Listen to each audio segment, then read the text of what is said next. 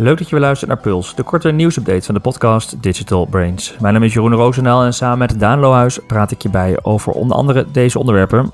Google voegt Google Lens button toe in het eh, zoekvenster op de homepage, op desktop dus. Swimrush blog publiceert een studie naar zero-click searches in Google. TikTok lanceert een academy voor marketeers.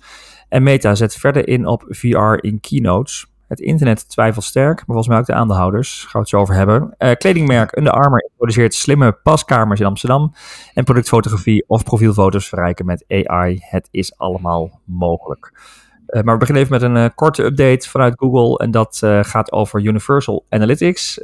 ja, daarna was um, een beetje ook wat onduidelijkheid over wat nou precies de achterliggende reden was. Maar Google heeft aangekondigd dat de deadline voor Universal Analytics met een jaar wordt verlengd. Maar Hè, dat is wel eventjes een toevoeging. Het geldt alleen voor klanten die gebruik maken van de 360 hè, 360 accounts. Uh, dus dat zijn echt de grote enterprise klanten. Uh, die schijnen nog best veel moeite he te hebben om, uh, om alles om te zetten en omgezet te krijgen. Um, en dat heeft ook best wel veel financiële gevolgen voor dat soort organisaties. Ja. Maar de, voor gewoon de, de gewone gebruiker, eigenlijk bijna ieder bedrijf, denk ik, waar veel van onze luisteraars werken, daar geldt voor dat je ja, wel de deadline, uh, dat die wel gehandhaafd blijft. Um, maar dat geeft ook wel even aan hoe, hoe ingewikkeld het toch is op grote schaal dan uh, blijkbaar daar. Ja, want ik ken uh, een twee of drietal organisaties die echt met 360 werken. En dan heb je vaak uh, echt maatwerk, meetbaarheid. En 360 heeft traditioneel gezien vooral echt van die power dingen die uh, standaard analytics accounts niet hebben. Dus uh, ongesampelde rapporten bijvoorbeeld. Als je echt heel, als je hele grote dataset hebt, je wil iets kleins weten, dan krijg je in Google Analytics altijd nog sampling te zien in je standaard rapporten. En uh, ook dat je big, en dat heb je dus bij, kun je uitzetten in, in de 360 versie. Of data echt van jezelf hebben, een BigQuery export, zodat het niet alleen bij Google staat, maar dat je ook echt de rauwe data zelf hebt en zo, et cetera. Dat zijn dingen die ook wel allemaal uiteindelijk, zoals data attribution, die nu al zoals in Google Analytics 4 zitten. Alleen het is vaak het omzetten van dat, juist die fijne maatwerkdingen. Echt alle uh, doelinstellingen, filters, rapporten en alle maatwerksignaaltjes die je hebt. Um, dat was vorig jaar best wel kort dag. Als je dat een paar maanden van tevoren hoort van hey, nu, nu moet je het allemaal per 1 juli op orde hebben.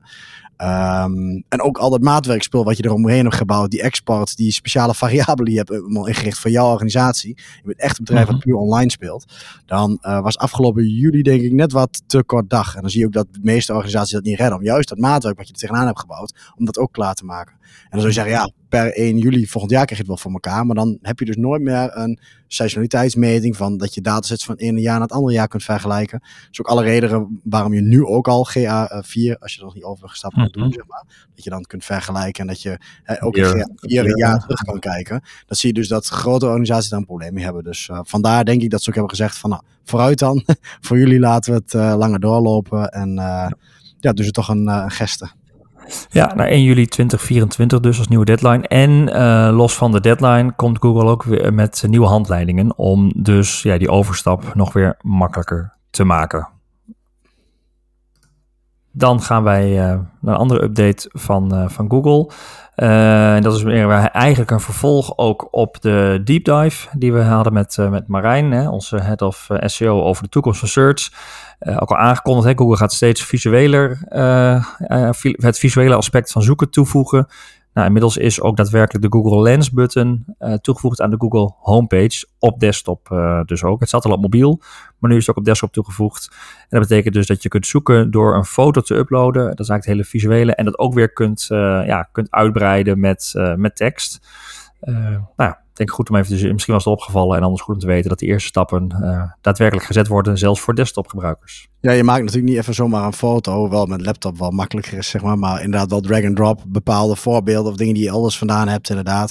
Het is niet altijd je camera, zoals op een smartphone. Nee, je kunt ook andere nee het gaat even om, om, om, een foto toevoegen, hè? een visueel aspect toevoegen, inderdaad. Uh, ja. ja. En ook nog uh, in navolging van de deep dive over die verandering dus in Google Search. Een leuk uh, feitje wat je tegenkwam volgens mij bij Summers. Die blog heeft een studie gepubliceerd naar de zero-click searches. Hè. Daar hadden we het ook inderdaad over. Van ja, Google doet er steeds meer aan om zoekers binnen Google te houden. En eigenlijk ook al binnen Google het antwoord te geven. Uh, maar ja, wat betekent dat dan voor je? Ja, het haakt heel erg in op, uh, op de deep dive die we hebben gedaan. Inderdaad, wat je al zei, van die interface van Google is langzaam aan het veranderen. Hè, van die tien blauwe linkjes af. En uh, ja. toen publiceerde, nou, volgens mij een paar dagen nadat we hem hadden opgenomen, publiceerde SEMrush weer een onderzoek. Uh, waarin ze echt data hebben gepakt van de zoekresultaten van een set van 30.000 gebruikers. Wel in de VS, maar dat is juist goed om te weten. Want daar zijn ze net iets verder met die interface. En dat komt ook onze kant op. Dus eigenlijk is het alleen maar representatiever voor de toekomst. Ja. Um, en daar zaten ze weer op een ratio van 25% van de search die zero-click uh, zijn. Het is ook wel leuk om te lezen als je een beetje zit in de uh, in, in, uh, in, search marketing, zeg maar. Of in UX design, van hoe komen mensen op landing page terecht. Hoe gebruiken ze Google daadwerkelijk. Hebben ze echt allerlei ratio's op desktop en mobiel. Van welke elementen mensen nou in Google ook op klikken. Dus 45% bijvoorbeeld organic, maar 1,8% paid komt ook. Hè, is het een commerciële zoekopdracht of niet? Het is niet zo dat het voor elke search zo is, maar als je zegt van, goh, hoe moet ik, uh, uh, weet ik wat, uh, mijn sokken beter wassen, zeg maar, noem maar wat. hoe krijg ik een, vlek uit mijn sokken, dan heb, heb je niet altijd de betere resultaten bovenaan staan, zeg maar. Um, ja. Maar ook 18% bijvoorbeeld klikt op een keyword suggestie van Google, die verfijnde dingen. Weet je dat? Ja, die vervolgsearch eigenlijk, hè? Ja, dat wordt dus 18% van de gevallen gewoon gebruikt. Ja. om die zoekopdrachten te verfijnen. Lijkt, ook, lijkt me ook heel relevant. Hè? Ik merk het zelf ook wel. Ja. Die wordt echt wel verleid daardoor. Ja. Ja, dat is echt wel wel flink. Dus niet zo gek dat Google daar meer van gaat maken. En ook uh, 7% uh, op Google Images vaak uh, doet. Dat is dan een nieuwe zoekopdracht. Want dan klik je dus niet op een van de resultaten door. Maar dat je dus op een van die images klikt. Dat van naar het tapje van images toe gaat. En 7% vond ik echt best wel veel. En, uh, en uh, 1% op next page, maar dat kan alleen maar op desktop. Mobiel heb je natuurlijk infinite scroll. Maar ja. dan zag je dus ook wel dat op mobiel, uh, ja, desktop klikken mensen vaak uh, binnen 5 seconden. Mobiel gaan mensen dus ook vaker langer scrollen. Doen ze het vaak binnen 10 seconden, de helft. Maar uh, 20% uh, die blijft langer dan 30 seconden ook op, in een, uh, op een zoekresultaatpagina hangen. Het kan zijn dat je zo'n knowledge card bijvoorbeeld leest, of een uh, routebeschrijving of een antwoord op je vraag, maar dat is ook gewoon verder en dieper scrollen. Dan zie je dat op mobiel dus ook ja, die infinite scroll echt wat uitmaakt voor het doorklikken op die resultaten. Dus um, ja, dat, dat is gewoon wel, uh, wel grappig om te zien. En um, een, een te tegenstrijdig, of tegen intuïtief moet ik zeggen, is dat ook uh, mobiele gebruikers vaker de zoekopdracht aanpassen dan desktopgebruikers. Leg mij maar oh, ja. Ik ken nee, zelf niet eens helemaal, maar uh, meerdere searches gaan doen over hetzelfde onderwerp. Uh, uh, zoiets. 30% op mobiel past hem aan en maar 18% op desktop. Dus dat oh. ook query zegt aanpassen en verfijnen of inderdaad op zo'n knopje klikken. Dat gebeurt op mobiel gewoon een stuk verder. Ik denk dat je een beetje meer, ja, ik weet niet, dat je toch makkelijk wat aan kan klikken. Ik weet het niet. Maar, oh, ja. Onverklaarbaar, maar... Het geeft vooral dat, dat onderzoek geeft een beetje in van ja, hoe echt met data gebaseerd, wat doen mensen met, uh, met de Google zoekresultaten. Dus het is gewoon interessant om, uh, om eens door te nemen. Ja, ja leuk. En, en mooi dat zo'n studie er is, hè? Want, we hadden het ook in de deep dive erover van ja, hoe zorg je nou als marketeer, hoe weet je nou als marketeer hoe je het dan doet als al die data bij Google blijft. Ze hebben het zelf nog niet echt openbaar, maar Semrush heeft blijkbaar wel wat uh, insights op deze manier kunnen. En ook, mm, ook zoals dit soort ratio's, mooi als benchmarks voor performance marketeers. Hè? Als ja. je gewoon gaat kijken naar hoeveel zoekresultaten hebben we, als je er gewoon een benchmark overheen gooit, het is nooit precies per keyword natuurlijk, maar dat je al weet van 50% klikt niet door. Uh, als er image resultaten zijn, kun je misschien verwachten dat 7% naar de images gaat. Wat doe je daar dan? Uh, ja. Dus er zitten ook gewoon wat ja, tastbare ratio's in, ranges zeg maar, die je kan gebruiken om te kijken, hey, zoveel zoekverkeer is er, wat is onze marktpotentie? Dus uh, ook voor dat type marketeers denk ik wel handig om zo'n studie te gebruiken. Hm. Nou, mooi. Mooi, uh, feitjes weer. En interessant. De show notes naar de, uh, in de show notes zullen we de link naar de studie zetten. dan TikTok. TikTok is natuurlijk flink aan het, aan het groeien. Sowieso qua actieve gebruikers, maar ook qua advertising. en nu is TikTok bezig, of heeft een soort academy ontwikkeld voor marketeers. Om met marketeers ja, te helpen hoe je TikTok-kanaal en ook de advertentiemogelijkheden, denk ik, zo goed mogelijk in kan zetten. Ja, ze hebben het eigenlijk niet eens direct over. Uh, ja, ze zeggen TikTok voor business, zeg maar. Dus okay. ze zeggen niet ad adverteren, maar wel haakje, content ja. maken. Ja, het zal er indirect ook zeker in zitten, natuurlijk. Maar vooral ook betere content, betere ads misschien ook wel maken, maar ook organische content uh, uh, ben ik wel van overtuigd dat er ook zeker wel in zit. En uh, wat wel vet is, is ik, ik, heb mezelf nu geopend. Ik, ik heb er nog niet echt aan deelgenomen, maar wat het ook is, is dat het een, je hebt een one-on-one en je hebt eentje voor small businesses. Dat zijn nu twee courses, allebei duren zo ongeveer drie tot vier uur in totaal. Maar het is echt um, met uh, interactieve dingen. Van wat werkt beter, dit of dat. Of uh, quizjes, uh, tokens, badges die je kan verdienen, zeg maar. Dus het is niet zo soort van play de video en ga vier uur zitten staren. Oh ja. Het is echt interactief. Deelnemen. Ja. Ik krijg ook een certificaat aan het einde. Dus sowieso leuk. Hè, als je dat ja, voor je werk of voor je carrière wil doen, kun je zeggen, hey, ik ben een soort certified. Ik heb dat, die course ja. al gecomplete, die one-on-one en for business. En dan geven we natuurlijk allerlei best practices weg. die gewoon ja, bewezen werken. Dus het is wel gaaf mag je ook als merk ook aan de slag gaan op TikTok. Uh, uh, om ja, die best practice natuurlijk in je content en, uh, in je creatieve proces te gebruiken die ze zelf geven. En het is helemaal gratis. Dus, en, en als ik jou beluister, ook wel wat echt wel op de organic, zeg maar, hè, het gewone gebruik. Met natuurlijk ja, daarmee ook een ingang naar hè, de business. En waarschijnlijk ook daarmee verzamelen ze data van welke marketeers geïnteresseerd zijn in TikTok. Maar, um, maar het is wel echt gericht op hoe je gewoon meer engagement uit je content kunt halen. En wat je al met je content kan doen. Het gaat in die one-on-one ook wel over van welke dingen kan ons product. Er zal ongetwijfeld ads bij zitten, maar ook um, gewoon best practices. Los van of het een ad is of organisch. Gewoon van hoe, wat zijn nou tips om uh, echt een andere hoek. Want het is totaal anders dan op een Instagram een normale advertentie, zeg maar. Dat werkt gewoon niet. Mm -hmm. Dus uh, ja, dus dat is okay. wel leuk. Oh, mooi. En uh, dan naar Meta, het moederbedrijf van onder andere dus Facebook. Die hier last van heeft ja, die zetten, ja, die zetten verder in op uh, uh, VR in, uh, in de recentste keynote die ze onlangs hebben gegeven. Ja. Um, en dat, is, dat blijft ook wel een beetje merk. Ja, je zegt het internet twijfelt sterk. Ik zei al net even de inleiding, de, de aandeelhouders twijfelen ook wel. Hè. Je merkt de discussie wel over een hele koersvaste strategie op VR. Uh, maar toch wel eens heel veel twijfel over dat hele, hè, hoe groot die metaverse gaat worden. Maar ja, die keynote... Ja, die aanleiding is dat die, die keynote hè, van, uh, van uh, Meta, ja. dan de hele updates. Niks over Facebook of, of Instagram. Ja, wel indirect. Dat je allemaal dingen vanuit de metaverse dan zou kunnen delen op Instagram met reels en dat soort dingen van integraties. Maar het ging allemaal over VR inderdaad. Ja, en, en wat denk je? interessant en potentie? Nou ja, ik, ik vond het wel sterk. Um, uh, mijn favoriet Ben Thompson van Strategy, zeg maar, die heeft er ook natuurlijk het een en ander van gevonden en zo. Die vergeleek het een beetje met, uh, uh, ja, ik weet niet of het een goed voorbeeld is of mensen het kennen, maar je hebt zo'n bedrijf gehad in de jaren negentig, dat heette General Magic. En daar hebben hm. allemaal mensen gewerkt, die waren gewoon allemaal legendes. En die zijn later ook legendes geworden. De man die de iPod heeft ontworpen, die werkte als eerste, liep die stage bij General Magic. En wat probeerde die te doen? Die bouwde al een PDA en een internetapparaat en een, een portable agenda en je telefoon. En dat deden ze allemaal in één. Maar ze moesten alles nog uitvinden. Er was nog niks. Scherm, software, uh, harde schijfje, uh, accu's, weet je wel. Het idee, eigenlijk bedacht ze gewoon de iPhone. Maar 15 jaar te vroeg. En als je die hele keynote bekijkt, is dat ook wel een beetje het gevoel wat je bekruipt. Ze maken alles. Ze hebben, het is een hele opsomming van allemaal dingen die ze aan het bouwen zijn, die nog niet bestaan, die nog niemand heeft. Zoals die headset, bijvoorbeeld 1500 euro, maar ze moeten ook een sociaal, ja, ze moeten alle games maken en uh, applicaties. Ja. Ze, ze werken wel samen bijvoorbeeld met, met dat je dan in Teams ook die integratie kan bouwen en zo, dat je dan in een virtuele workroom kan. Ja, dan moet iedereen zo'n headset hebben van 1500 euro.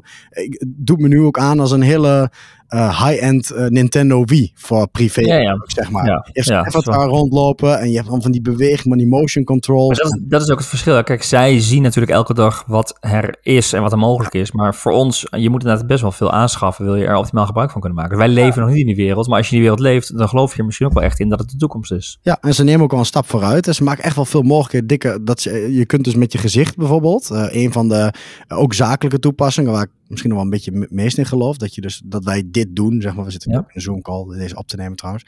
Uh, dat je echt die headset op hebt en dat je dan uh, tegen elkaar praat, maar niet tegen een soort avatar, maar dat je echt die uh, gezichts, dat je echt je letterlijk jouw gezicht op hebt. Die scan je met een telefoon, hebben ze gedemoed. -hmm. En dat je ook de expressie ziet. Als ik ja. twijfelachtig kijk of ik lach, dat je dat ook echt ziet. Dus dat je echt bij elkaar bent. Maar het nadeel ervan is, dan moet jij een headset hebben van 1500 euro en ik ook. En iedereen die meer wil doen ook. En voordat ja. je dat voor elkaar krijgt, zeg maar, dat is net als met een PC bijvoorbeeld. Uh, ja, toen deelde de werkgever allemaal PC's uit, omdat het productief was. Um, ja, voor alleen meetings, zeg maar, uh, ja, moet er nog wel. Het zal zeker gaan gebeuren. Alleen of dat nu al is wat Facebook graag wil, ja. of dat het nog tien jaar gaat duren. En dat denken de meeste aandeelhouders in het internet ook, zeg maar. Van leuk allemaal bouwen, maar moet het allemaal van Meta komen, zeg maar, die het ja, allemaal opbouwt?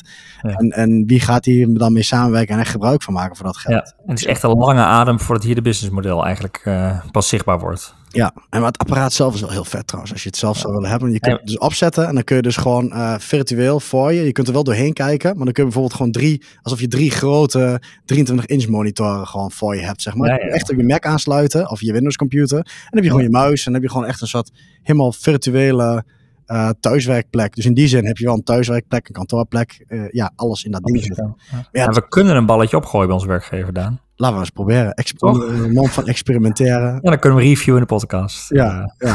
goed idee. Doen we. gaan we de doen. aanvraag straks. eh, Ja, ja. Nou, maar goed, wel een mooi bruggetje, want het is natuurlijk wel de grote uitdaging waar, ehm, waar veel merken voor staan. Hè? Hoe ga je nou dat, ja, dat virtuele of online, hè, digital, migreren met offline en eigenlijk een beetje frictieloos, eh, eh, dat echt voelt als, ja, het, het is één wereld. Ehm nou is, terwijl hier ja, militaire oefeningen in het land. heel laag, eh, ja, volgens mij een uh, straaljager overvliegt. Militaire oefeningen inderdaad in heel Nederland. Um, maar kledingmerk uh, Under Armour is daar, uh, heeft, zet daar eigenlijk een nieuwe stappen in. Die hebben in Amsterdam nu slimme paskamers geïntroduceerd. En, en, en, dat is wel interessant. We kennen een beetje vanuit uh, volgens mij de, de Walmart, of is het geloof ik in, in Amerika, hè, dat je artikelen gewoon uit een schap pakt en ja, je loopt ermee langs een poortje en het wordt gelijk afgerekend. Ja, de Amazon Go en zo ook. Ja, ja. ja, ja. Uh, of Amazon is het inderdaad. inderdaad. En, uh, uh, maar nu hebben we dus het, het kledingmerk Under Armour heeft ook zoiets toegepast in paskamers, slimme paskamers, waarbij je ja, wat je wil gaan passen ook digitaal weer krijgt en weer daarop door kunt shoppen of zoiets. Ja, het is heel erg eigenlijk met bestaande technologie gewoon slim gemaakt. Um, RFID heeft natuurlijk dat, dat zijn toepassingen. Dat is technologie? Dat is gewoon de technologie. Dus er zit een klein uh, uh, labeltje in, zeg maar, met een ontvangertje. En dat zie je wel vaker. Want ik zat even tegelijk te denken aan de Decathlon. Ja. Dat is een winkel waar veel mensen wel eens een keer zijn geweest. En wat je daar doet, dat zit ook gewoon aan een broekje van een tientje. Zit ook gewoon een RFID-tag. Het enige is dat je daar geen kassas hebt. Die gooi je in de bak. En dan krijg je zo'n opsomming te zien. En met je account, waar je ook online mee shopt, zeg maar, reken je gewoon af. Ja. en zo krijg je je bonnetje en betaling. Uh, kun je volgens mij ook zelfs via Ideal betalen als je wel eens waar. Of via contactloos, maakt niet uit. Maar wat ze hier doen, dus bij Under Armour, ook zo'n kledingmerk, maar echt in een flagship store, is dat je dat effect al hebt, maar in de paskamer. Waar je dus zegt, hé, hey, je hebt nu maat M, zeg maar. Mhm. Dus je shoppinglijst is ook totaal van wat je hebt.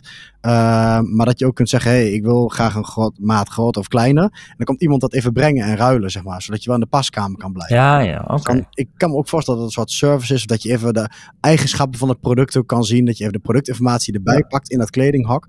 Um, en ik vind dit een mooie manier van on- en offline ook integreren. Want waarschijnlijk heb je wel met jouw account, of je kunt het opslaan of afrekenen. En, ja. Um, of, je, of je ziet ook wel eens, de maat is niet meer in de winkel, maar online kunnen we het direct bestellen. Dat, ja, uh, dat zo. Ja. Het is een ja. beetje net als die McDonald's-zuilen ook met eten bestellen en zo. Maar dan uh, echt slim gedaan. Met ook niet technologie die heel ver weg is. Want dat is natuurlijk met Amazon Go. Hè. Ik bedoel, ja, ja. als jij een Nederlandse retailketen bent, ja, doe dat even. Uh, dat is een hele grote strategische beslissing. Gigantische investeringen. Dit zijn ja, toch kleine stapjes waardoor je wel echt de consument die meerwaarde geeft. En echt even zo'n wow-effect geeft. Ja. Uh, en in retail echt wel op voorsprong kan komen. Ja. Nou, super gaaf. Ook inspirerend inderdaad hoe ze dat uh, geïntegreerd hebben. Uh, allemaal of gecombineerd hebben eigenlijk die technologie en dan de fysieke paskamer. Ja, en ook heel functioneel. Mooie case. Ik ben benieuwd naar, uh, naar dat ja, op termijn wellicht dat we meer inzicht krijgen over de ervaring daadwerkelijk van gebruikers. Als ik in Amsterdam ben en ik loop daar rond, ga ik zeker ja. een keer proberen. Vind ik wel gaaf. Ja, ook dan kunnen we die ook weer reviewen hier. Ja.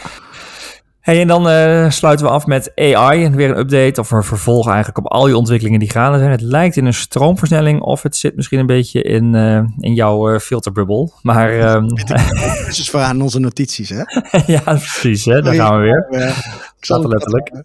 Ja, uh, maar met AI content genereren hebben we het eerder over gehad. Uh, maar nu zou je ook productfotografie en profielfoto's kunnen verrijken met AI. Ja, ik vond het een, een vette toepassing van een, uh, een start-upje, zeg maar. Uh, Astria.ai heet het. Uh, en en waar je jouw product, zeg maar, kunt gewoon uploaden. Of jouw profielfoto. Dat zijn twee verschillende ja. use cases. Maar hey, laten we even het product centraal stellen. Wat we ook bij AdWise vaak wel hebben. Dat een klant een bepaald product of een screenshot of een weet ik veel wat. Iets wat je wil highlighten, zeg maar. Mm -hmm. en dat product wil je misschien wel in een bepaalde context zetten, bijvoorbeeld. Dus je hebt bijvoorbeeld een auto of een, een, een step of een, een, ander, een, een, een, tas of een horloge bijvoorbeeld. En dan kun je dus met AI niet dat je alles genereert, maar jouw ding wat jij wil, dat zet je in een bepaalde omgeving of context neer. En dan gaat zo'n ja, DALI-achtig algoritme dus ook aan het werk. En die zet bijvoorbeeld een auto op een strand neer. Of een, uh, uh, jouw product, jouw, jouw horloge in bijvoorbeeld een bepaalde setting. Of ze hebben van die voorbeelden van een Apple speaker, zeg maar, die dan op een bureau staat naast een plant. Of op een strand. Of, of... Ja, je kan wat voor. We hebben ook wel eens voor merken met, met schilderijen of posters met spreuken. Ja, die kan je in heel veel verschillende settingen toepassen. Maar het allemaal nabootsen en fotograferen. Interieur, ja, dat is natuurlijk super interessant. En, en je kunt dus zeggen, doe maar in een modern interieur dat schilderij. Ja. Nou, je hebt zo wat concept op een rij staan. Kost 20 dollar of zo, kun je dat uh, kun je dat doen.